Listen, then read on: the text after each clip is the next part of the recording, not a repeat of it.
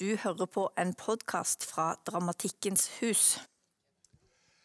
Hello and uh, welcome to Dramatikkens hus. Uh, my name is Morten Kraner. I'm a dramaturg here, and uh, uh, we are very happy to see you all having escaped this day's uh, heat and sun in order to come here and listen to tonight's guest, Carmen Lara Eli, who is here to talk about Jack Smith. Um, Karmenlara is a professor and uh, director of uh, the Theatre Academy in Fredrikstad. And uh, I'll leave uh, more bio or presentation to her eventually. Uh, the reason I'm speaking in the microphone without you hearing me uh, even more is because we are doing this both as a podcast. So this will be a, a document for eternity, or at least as long as the internet uh, exists. Uh, and we are doing this uh, as a live stream on Facebook. So welcome also to all our uh, audience on Facebook. Okay, then I'll leave it to you, Karmenlara. Welcome. Applause, please. Thank you.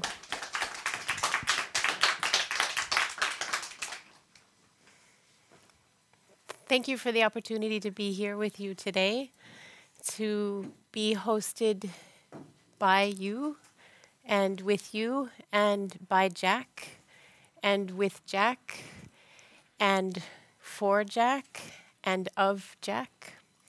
And it's with hospitality uh, as an idea that I want to begin. That I see when we speak about an artist who has passed, we're dealing in apparitions, we're dealing in ghosts, we're dealing in archives. And the place to begin is not one of expertise, but of hospitality, of holding a space for one hour with Jack. And that is where I begin, and that is what I hope to uh, sustain with you here for one hour this evening. To answer a call from what might be considered his erotic grave, where my reading today is more of an incantation of various voices, not only my own. And I'm not here to explain his work, there is no explanation. I'm not here as an expert. I'm actually here as an educator. And that's also where Jack enters my consciousness as an educator, because it's through Jack's perspective, his values, and his critiques that I come to continually question what it means to hold a space, preserve a space for a yet unknown underground. A yet unknown underground where universes are born. Why does Jack matter? He was a critical idealist he was queer.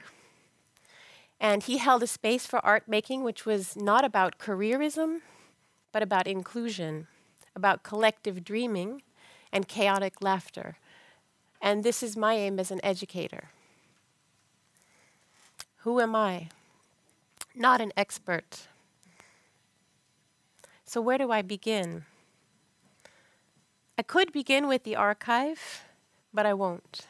I could begin with his rarely seen photographs, his sumptuous, erotic, and beautifully staged photographs that looked like film stills, many of them untitled, many of them rarely seen. I could begin with those, but I won't. I could begin with him as an actor in plays and films by Warhol, Ken Jacobs, and even Robert Wilson, but I won't. I could begin with Flaming Creatures, one of his most famous films, which was legendary and banned. I'll even remember uh, to you, for those of you who know it, and if you don't, please leave here tonight and go watch it online. This crucial moment in Flaming Creatures, which is the so called rape scene, the earthquake, where the camera is shaking and we see the breast of the actress shaking in the screen, and the, the lantern is shaking, and everything is shaking and we understand the banality and the anti spectacular quality of everyday sexual violence. I won't begin with that.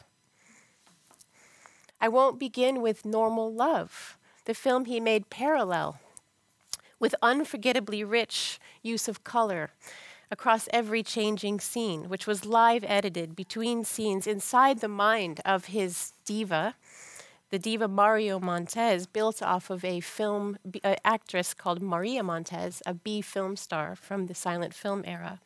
Or in the landscape of his chorus cuties dancing on a cake made by Andy Warhol, or his Orientalist images of exotic mummies and werewolves and watermelons, and yet another anti spectacular and banal swamp rape scene.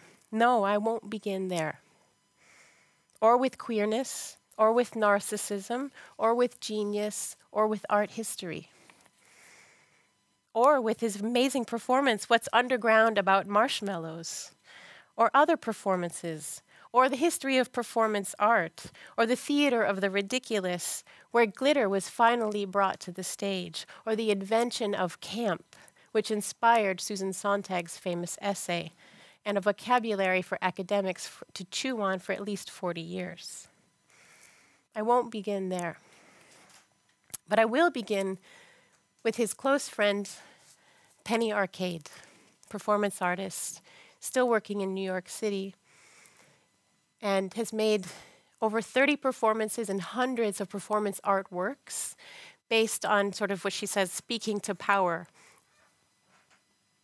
and holding a space for inclusion and fighting against the uh, careerist aspect of especially the art scene in New York City.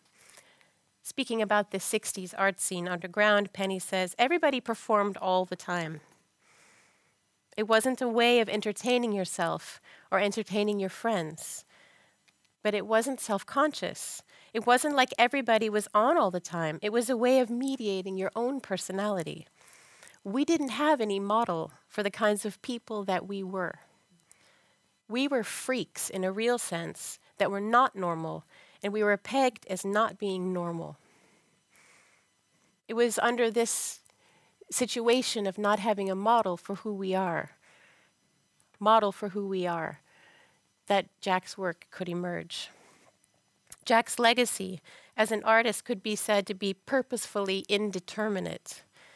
It exists between a cut and display approach to film work, like the 60s, early 60s films Normal Love and Flaming Creatures, or his seven long, seven hour long midnight performances staged in his apartment, where he would fumble with slides, sound projectors, and technical things for two hours or more, doing nothing, posing, decorating, draping scarves over lanterns, and announcing finally that the performance was canceled because he couldn't get the projector to work.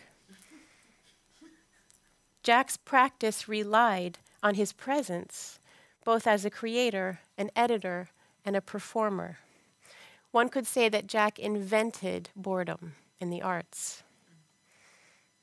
But I won't begin there. I'll begin with his death. His death as an instant, as a space of reflection, interrupted by many, many other voices. But wait, what does it mean to begin with the death of an artist when thinking about their work? And Jack's death was glorious, beautiful, even poetic. Penny wrote about it.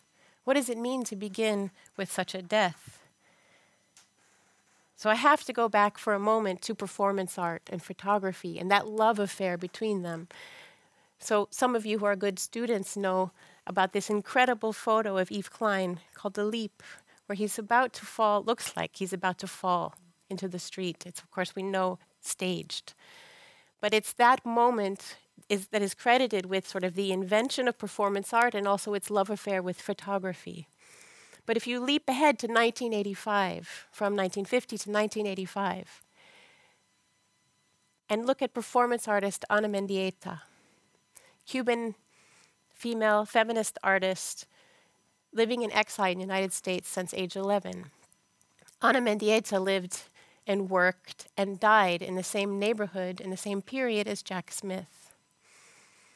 Her work was beautiful. Her work, she called it earth body.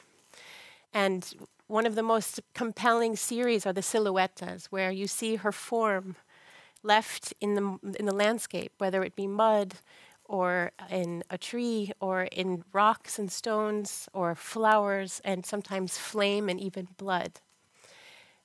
Ana also explored her image uh, in with glass, pressing her face up against glass and dif- distorting her beauty and exploring her trans potential as a man in some of these images.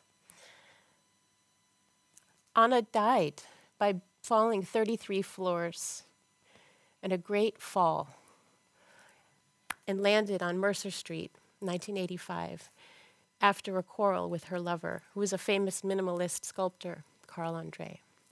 He was later acquitted of murder charges, but the art community, many of those who knew her, thought that this was unjust. But that same art community looked at her work and said, well, her work was pretty dark. She probably did commit suicide. What does it mean to look at an artist's work through their death?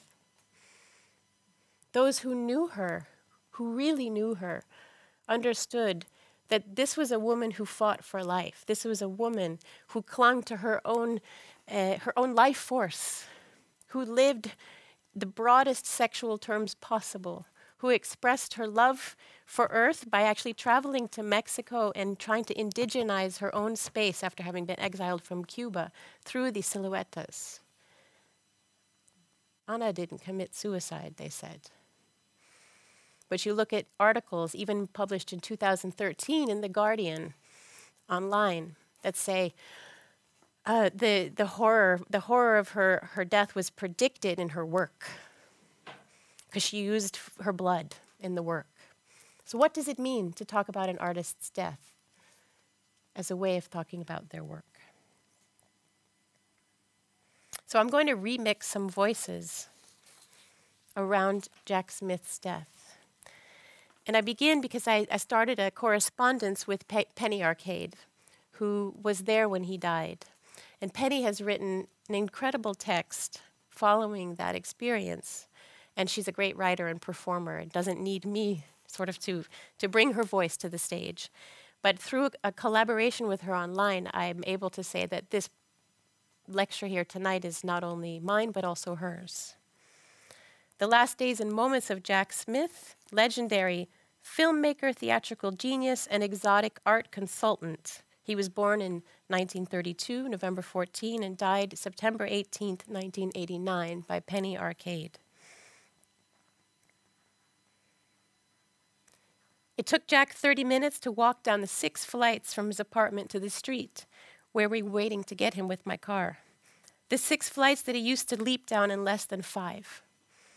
Bring the car, Jack had commanded on the phone. I want you to take me to the hospital. We stood nervously, glancing in the doorway, waiting for Jack's great, slouching form to emerge. Jack will never climb, climb those stairs again, I said to Ivan. No. Ivan replied, glancing over the still empty doorway. I don't think so. He's too weak. This is it. Jack lunged through the door, his gray wool coat flapping wildly around his emaciated form, his head thrown back slightly, cocked to the left, while the rest of his body seemed to be veering to the right. There was chaotic motion, yet he was standing still, Wide eyed and his eyes raking the sky, his arms flying heavenward, he cried out, addressing the roofs of First Avenue, Now I know why we cannot have bowls of gravy. Jack, covered in cheap gold and silver chains from his midnight binges on the Home Shoppers Network, look out of place in the August light. Oh, I look like a wino, Jack said, catching his reflection in the jewelry store window. That's why I have to encrust myself with jewels. When people see you are sick or poor, they just ignore you. They treat you like shit. As soon as Jack was admitted to the room, they put him on an IV. He was suffering from an advanced case of pneumocystis. Of course, this is advanced stages of AIDS. And as many of you probably know, that at this point in the 80s, AIDS was raging a, a war on the gay male population. And I have to say that even today, Trump himself has just appointed to the CDC the head of the Center for Disease Control, a man who believes that it was the AIDS epidemic was God's punishment on gay men. So it's, it's not over. As soon as Jack was admitted to his room, they put him on an IV. Jack fought with the doctors and nurses. They want to turn me into a human pincushion. I just want to die. Why can't I just die? I contacted the Hemlock Society, but it takes months to die by their system. Turning to me, he said, Can't I just die? I want you to bring me something to kill myself with. Okay, Jack, I said, but don't you think you should wait to kill yourself at home? I mean, killing yourself in a hospital seems redundant. Why don't you just take the medicine and get better, and then you can go home and kill yourself there? Jack turned to the nurse let her put the IV in the arm. Okay, yeah, I suppose you have a point, he said. So the doctor tells them basically it's over. He's going to be dead in about three days. Get, say your goodbyes. Let's go. We were dumbfounded, Penny says. You can remove his oxygen mask, said the doctor. I'll just close the door. I don't think so, I said. We're not removing his oxygen. Suit yourself, the doctor shrugged, but there's no way he's going to survive past the morning. He's in very bad shape. The doctor left. Ira, Mitch, and I, friends who helped bring him to the hospital, began to massage various parts of Jack's body, talking to him as we did. We kept up massaging him and talking and encouraging each other and encouraging Jack. At 6:30 a.m., my hand was entwined in Jack's cold claw. Jack suddenly gripped my hand. My God, I thought, this must be rigor mortis. As I found myself pinned to Jack's chest by his action, they're going to have to saw his arm off to release me, came the panicked thought. Suddenly, Jack lurched, pulling himself up to a sitting position, and he braced my hand in his vice grip. Opening his eyes, he glanced around at our faces. What's going on? he murmured. You're back, Jack. You're back. We all jumped up and down, shrieking. And he was confused as the doctor entered the room, shrugging his shoulders. The next few days, people came and went. There was uneaten food and Jack's requests repeatedly to have drugs to kill himself. And Ira Cohen and I tried to get Jack to make a will to protect his work. Burn everything, said Jack over and over. I've lived my life in obscurity, now I'm dying in obscurity. But Jack, I pleaded, the world needs your work. The world never helped me, he screamed. But Jack, what about all the people who never hurt you? What about the future? I countered. The future? The future? It will only get worse, he said. It stopped me cold. Jack was a visionary and he was able to show others what he saw. Well, I stumbled, what if your work was sealed in a vault for 200 years? That's an idea, he brightened. But, Jack, I continued, if your work is sealed for 200 years, then all the people who stole from you will have a heyday showing your work, and your work will be sealed up. Oh my God, you're right. The living will floated around Jack's bed for days, unsigned. It was plain that Jack equated signing with dying. He held back. He was confused and bored with the concept of death. The next day, after sleeping at the hospital, I returned. Jack's room was filled with people. Ira Cohen had brought Allen Ginsberg. I came in and started cleaning up around the bed. Oh, if I only had a mother like you in my life, I wouldn't have been so miserable, Jack crooned. Everybody has a birth mother, Jack, I said, but you can have a death mother too. I'll be your death mother.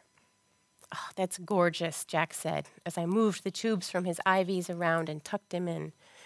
How is it that you know how to take such beautiful care of Jack, Penny? Allen asked, leaning forward. It's because I love him, I replied.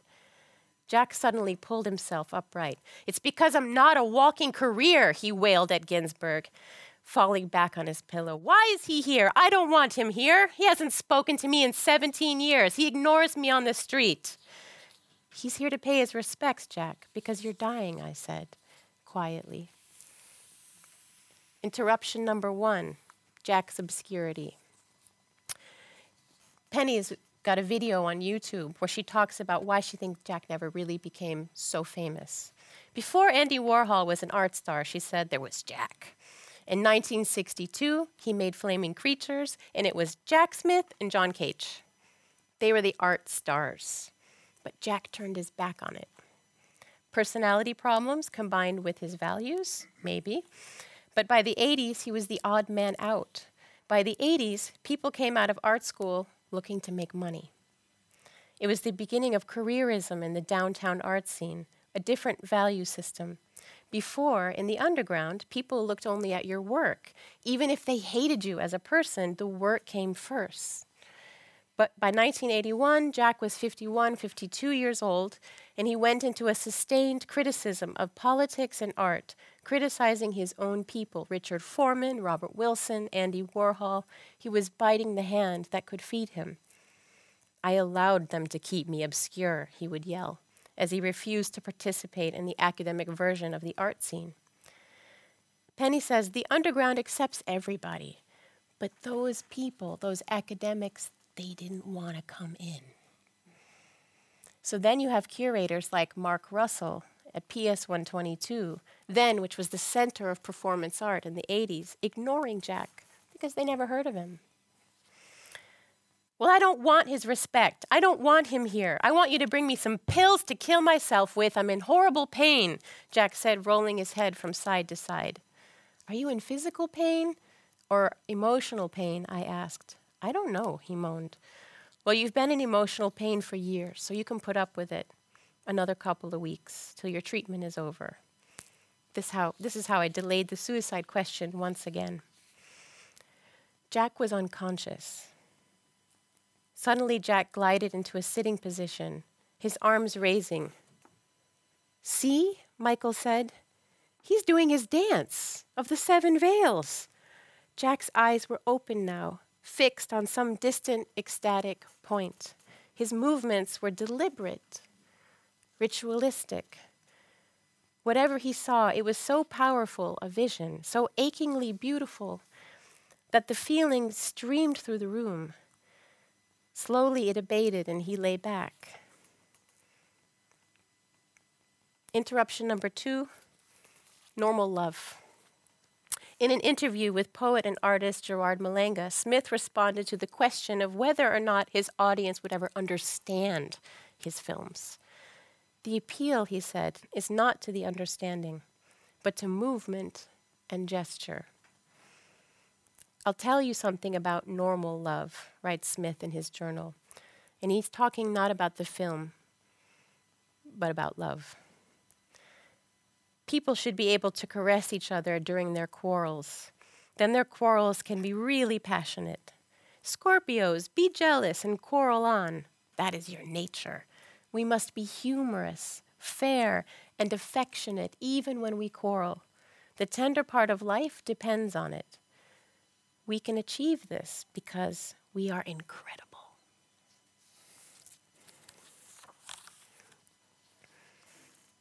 Earlier in the day, Jack had given me his keys to get his mail and water his pot bush, one of the lushest I'd ever seen, on the Lower East Side.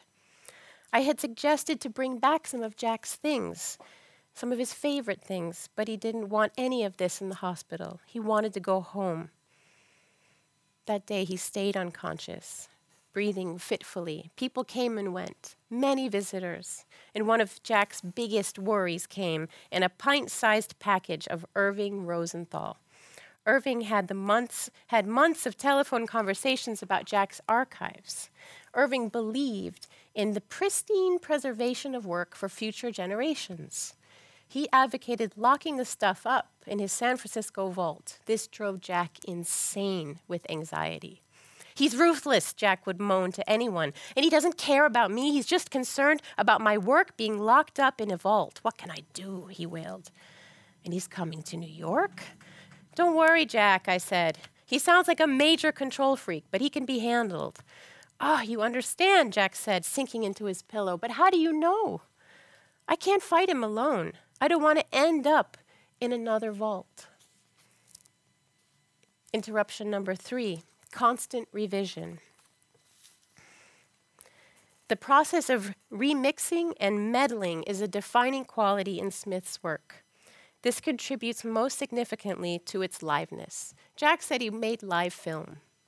And the example could be in the, the piece Normal Love, which he would actually remix and cut and display live every time it was shown. And he cut it up so much that critics later, after his death, actually said he was destroying his own work because the film had been cut and pasted so much. One critic states it's not possible to have Jack Smith without Jack Smith. In other words, the filmmaker's body and his film were inseparable, relying on the artist's presence to splice, edit, and feed the film. Jack says, In my later work, I've taken as my point of departure that moment before the arrival of sound. The art of silent film was never perfected that is what I have spent the past 20 years doing. So the story is rendered pictorially and drawing upon psychology, something like a logic of dreams is deployed. I've been working with something called live film. Some of this work goes on through the screening itself. Some of this might be imitated later because there's basically, and this is really interesting, he's arguing there's no other way to dislodge film out of the bankrupt state it's in now, which can only be goosed up by more and more violence and synchronized chatter. Locking up stuff in a vault drove Jack insane. We can understand why. It was part of his body, it was part of his performative work. It needed him, and he needed it. In another interview with a theater maker named Bennett Thiessen in New York, published in Semiotext, Jack actually goes on to talk a little bit more about institutions and this notion of putting the work in the vault and separating it from life. It also has a funny comment about Ibsen. Thiessen is a theater maker. He says to Jack, Do you think you could take things that other people wrote and do them your own way? He's probably talking about plays, yeah? I do that, says Jack. See, I, I mix stuff in that's been used already, like Hamlet. I like cribbing a bit from each source and then making something old out of new out of old ingredients. Thiessen, like Artaud's No More Masterpieces, he meant to use the past as material, but don't treat it like it's in a museum or keep it in a vault. Make it new. Smith, yes. If you can't make something new with it, then you really don't have the right to use other people's stuff. But if you can find something completely new in it or make some incredible point with it, then it's all right. There's too much of that anyway, doing old plays without adapting them. It can't be done, says Jack. Thiessen, have you read The Master Builder? Smith, I love all of Ibsen. If Ibsen wrote it, I'm sure it's the greatest, you know. Thiessen, Peer Gynt is a good story for you. It's a good journey story. Smith says, I don't even know that story at all.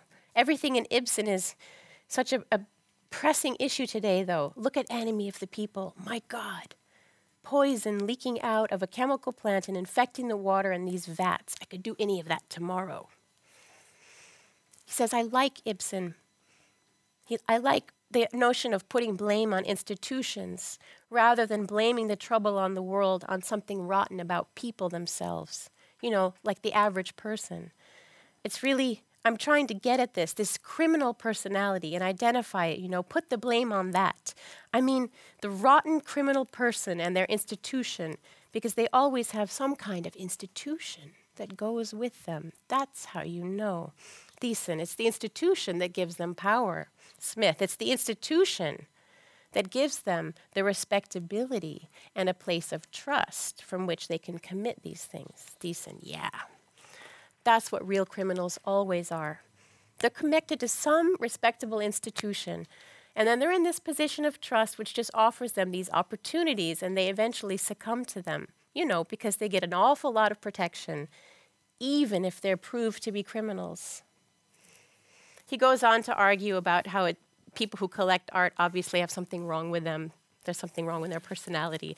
And, and basically arguing that if you're trying to collect art, it's because you're not willing to see that art is already in you. And this is actually very beautiful.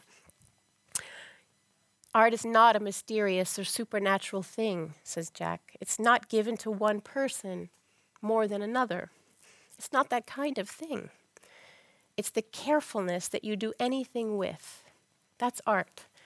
And when you miss that point, you're just becoming a collector and a thief and making it harder for the people that make art. I could keep it alive, and then it would be alive because the person who thought of it is also using it to give it to the public and also to make a living with it. That's what it is. But after it's collected, then it isn't art. It's somebody who can't make it, it's just presenting it. It's not a mysterious thing. If anything were just done carefully, it would automatically come out as art. And he talks about art not being separated from life. He says people want to put things in a vault in order to do exactly that separate from life. So, why was it so terrible that Irving Rosenthal shows up in the hospital bed at this moment, in the hospital room at this moment when Jack's incapacitated? Irving, who believes in the pre- pristine preservation of the work for future generations. It's a prediction of what would come for Jack's archive, a, a fight between many parties, actually. It's a long, whole other story. But Irving is an interesting character in himself who gives a kind of perspective on the difficult person that Jack was. Irving, on the transformational nature of Jack's work.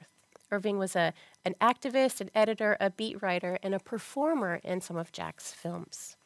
He once described the artist's filming sessions as transformative, and he describes Jack here as kind of a shrink. People would sometimes leave the work crying. You couldn't trust him, he was very cruel. So Penny chases Irving out of the room. His work is not going into your vault.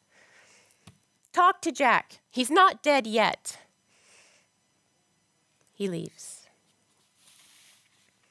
I stood by Jack's bed, talking to him nonstop about what I could remember from the Tibetan Book of the Dead.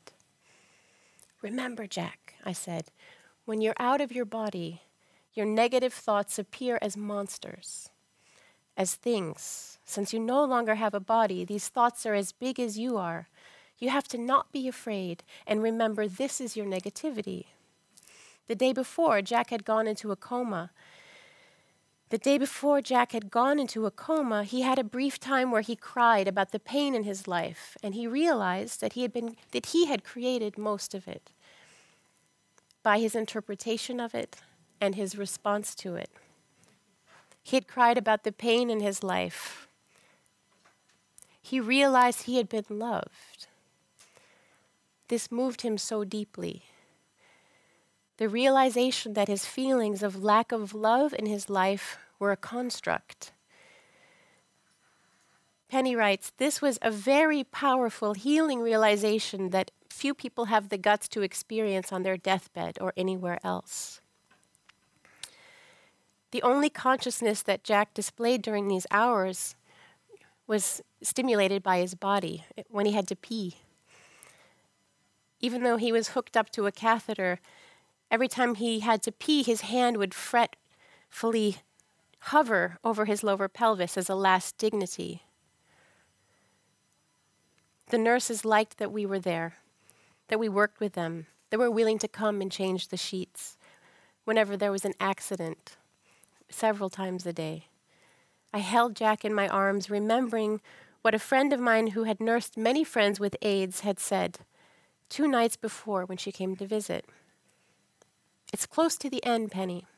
You can't do anything for Jack now, but help him die as comfortably and with as much dignity as possible. But sometime, somehow I didn't believe that it was the end. The end of Jack? Impossible. Holding Jack as the nurse made up the other side of the bed, I asked the nurse, You have a lot of experience with this.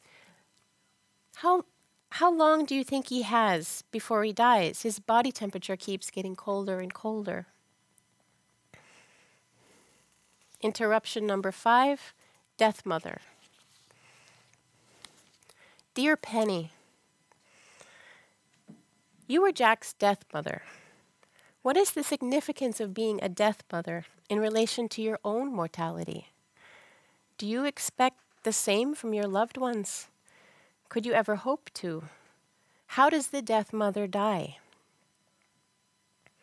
Penny Arcade answers From a de- decade of death at the height of the AIDS epidemic, I learned a lot about dying, eight years before Jack's death. So I was able to bring all of that experience to Jack. And that was what allowed me to see there was this role that would give solace to Jack at the end of his life. When I was 27, I was widowed by the death of my partner. It was a huge, disorienting, out of body experience. And I had a huge immersion of the sense of the issues around death from that experience. And these experiences formed and informed a spiritual practice around death. One of the things that I learned by the time I reached the experience with Jack was that very few people can deal with death at all, including myself. There's a natural aversion to death we are all that we all have affected by our animal nature. We fear death. We see this even around serious illness. And she goes on to describe how even herself, when having a, a, serious illness in 2005, expecting all her friends to gather around her, and they vanished. She says, These people, I thought, at a minimum, who cared for me would buy my groceries or take me to the doctor or clean my house, they just vanished. They were unable to be in my presence as a diminished physical human being. So, the role of the death mother is a concept that I named in my care of Jack Smith. This is to accompany the person from their moment of death, because the truth is, everyone dies alone. I do not expect someone to carry my death with me. I will say, though, that the relationship between the dying person and the death mother is a romantic experience. Romantic in the sense of poetry or art.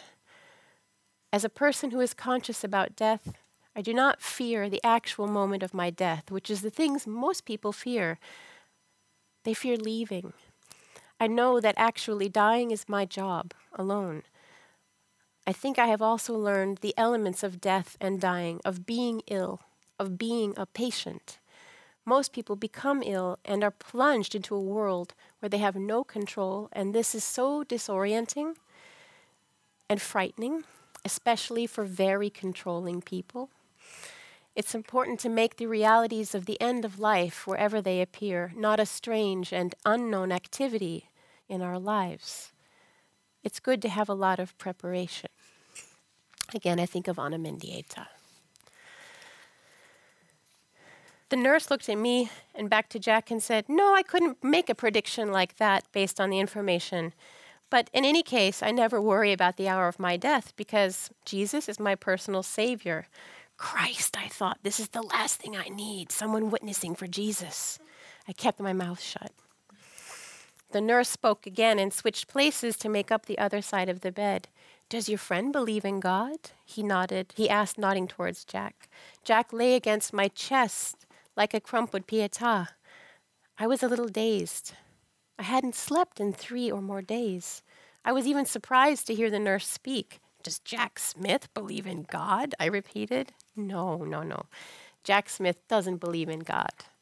However, God believes in Jack Smith. Suddenly, Jack's body shook with a rattling cough. The nurse looked horrified. the coughing went on for several minutes. My God, I thought, is Jack laughing? Interruption number six sex and violence.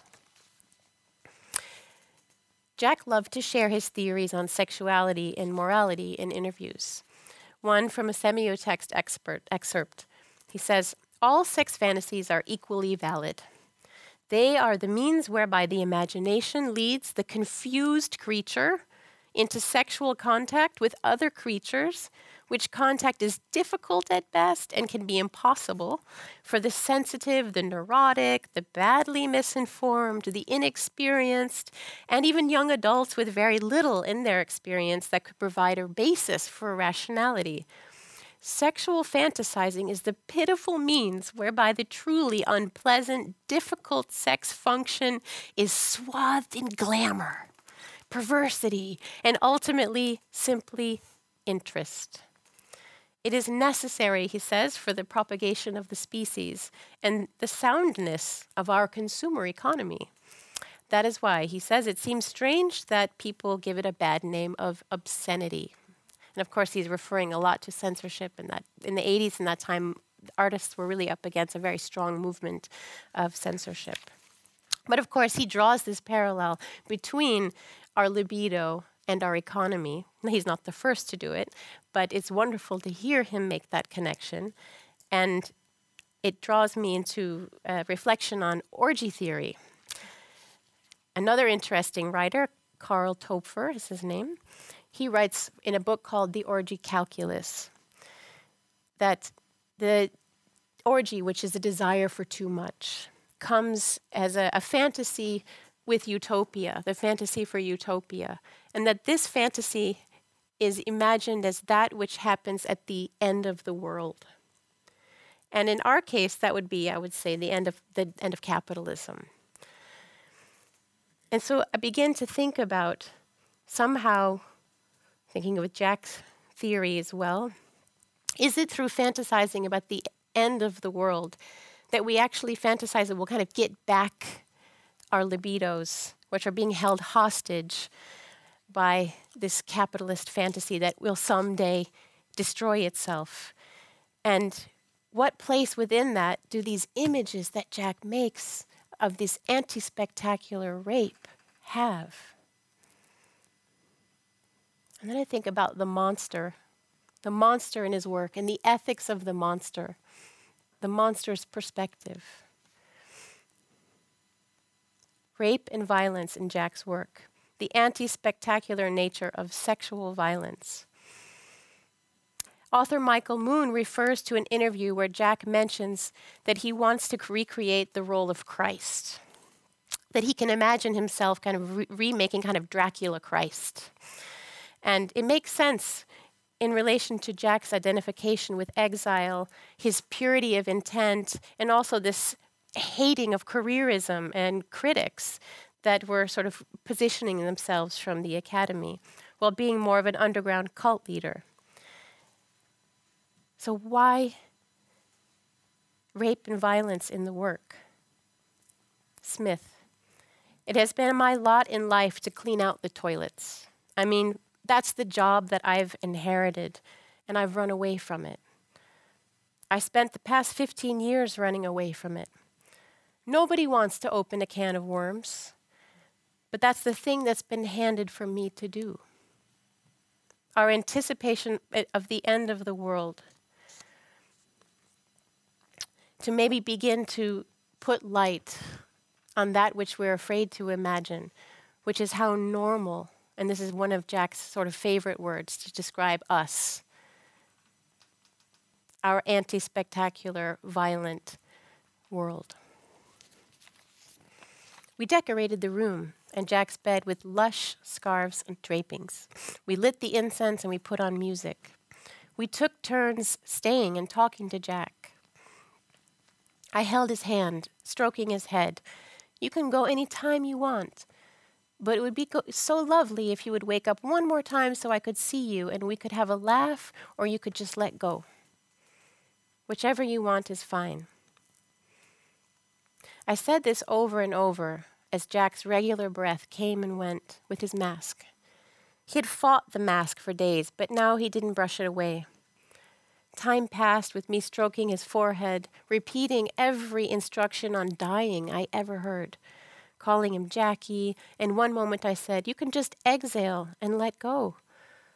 I heard Jack exhale. I watched and watched for the inhale.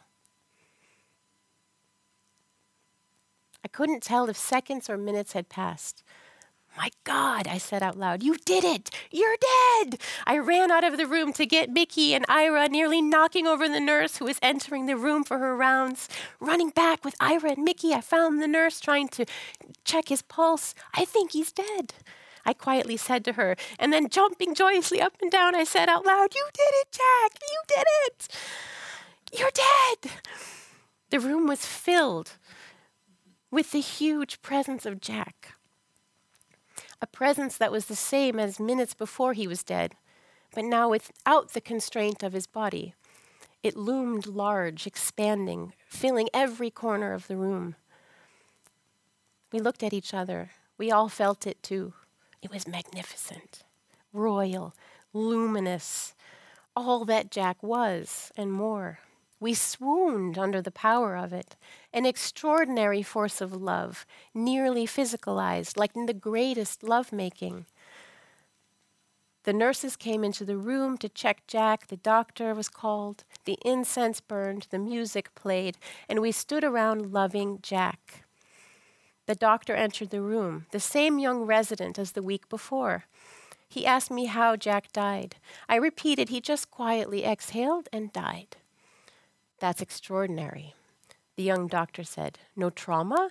No thrashing? A man this sick would normally convulse. The nurses seemed affected by the spirit in the room. We washed Jack's body. Ira anointed Jack's feet and hands with musk oil from a Moroccan perfumer. We watched as they bound Jack's hands and feet with white cloth, as they tied up his jaw, a look Jack had affected in many performances. Jack's face looked ecstatic, as if he had seen the most beautiful sight of his life, or had just had an extraordinary orgasm. Interruption number seven Phantoms of Eros. Dear Penny, I feel like there are so many phantoms in Jack's work. There's such a generous space for figures between worlds, and the horrific and playful way they appear in his images. Penny, does he still visit you? Of course, I mean this in figurative or literal terms, totally open question. But his actual departure is described in your text as a, a very peaceful, complete, and beautiful moment. Does something remain? You have his archive. Without his body, is the archive living or dead?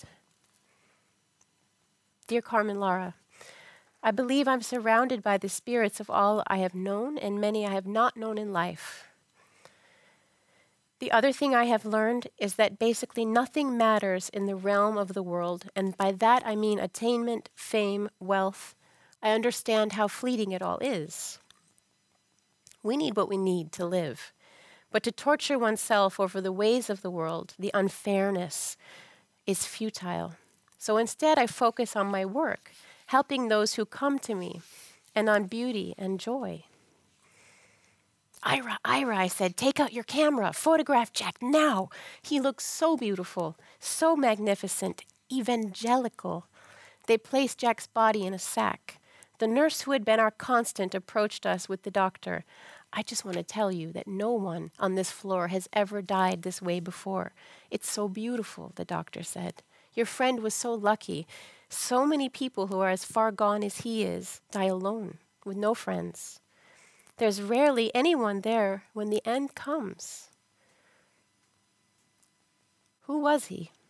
He must have been a very important person. He was Jack Smith, I explained, one of the greatest artists who ever lived. Jack Smith. And it was 6:35 a.m., September 16th, 1989. Interruption number 8, Beyond the Veil. Dear Penny, Thank you for this. Again, it's really helpful and inspiring. I have just one follow up question. I'm looking to talk about the veil in Jack's work. Author Michael Moon refers to Jack's use of the camera as a mirror, kind of psychological, almost self analytical. While this might be true, I think of the film more as a veil.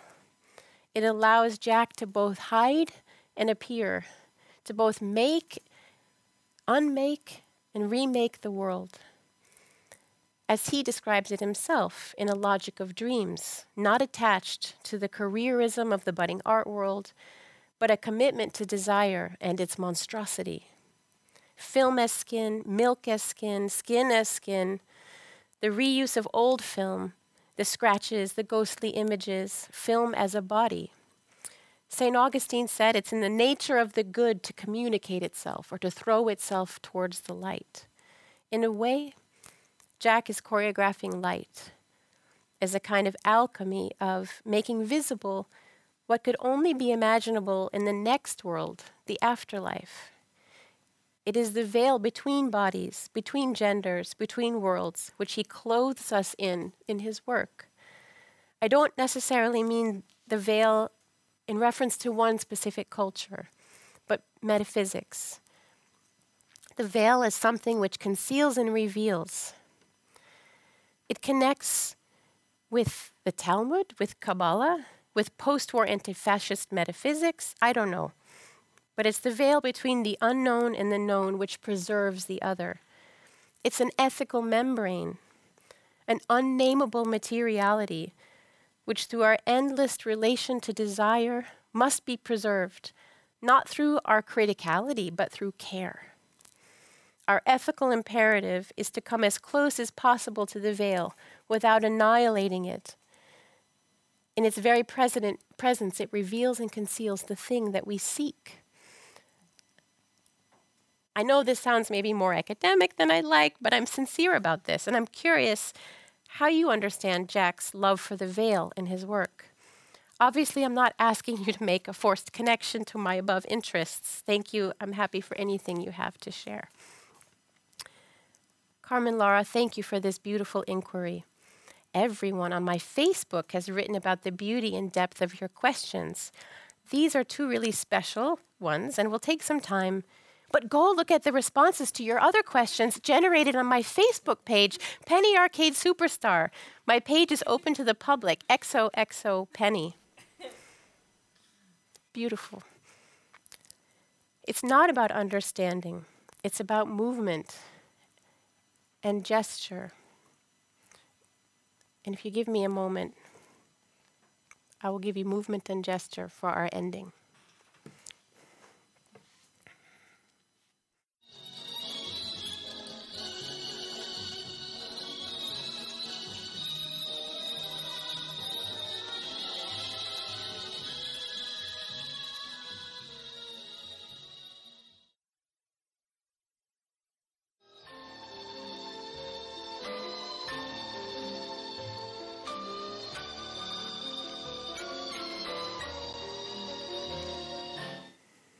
Thank you.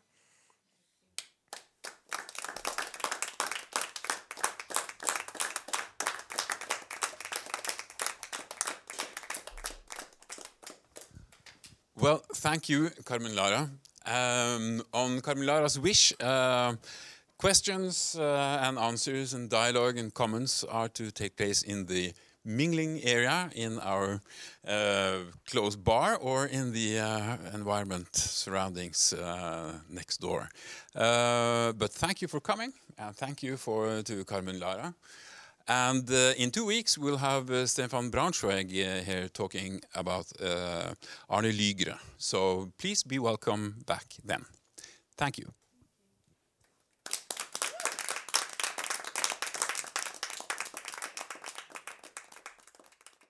Vil du høre flere foredrag? Se våre nettsider og kom til Dramatikkens hus annenhver tirsdag klokken 19.30.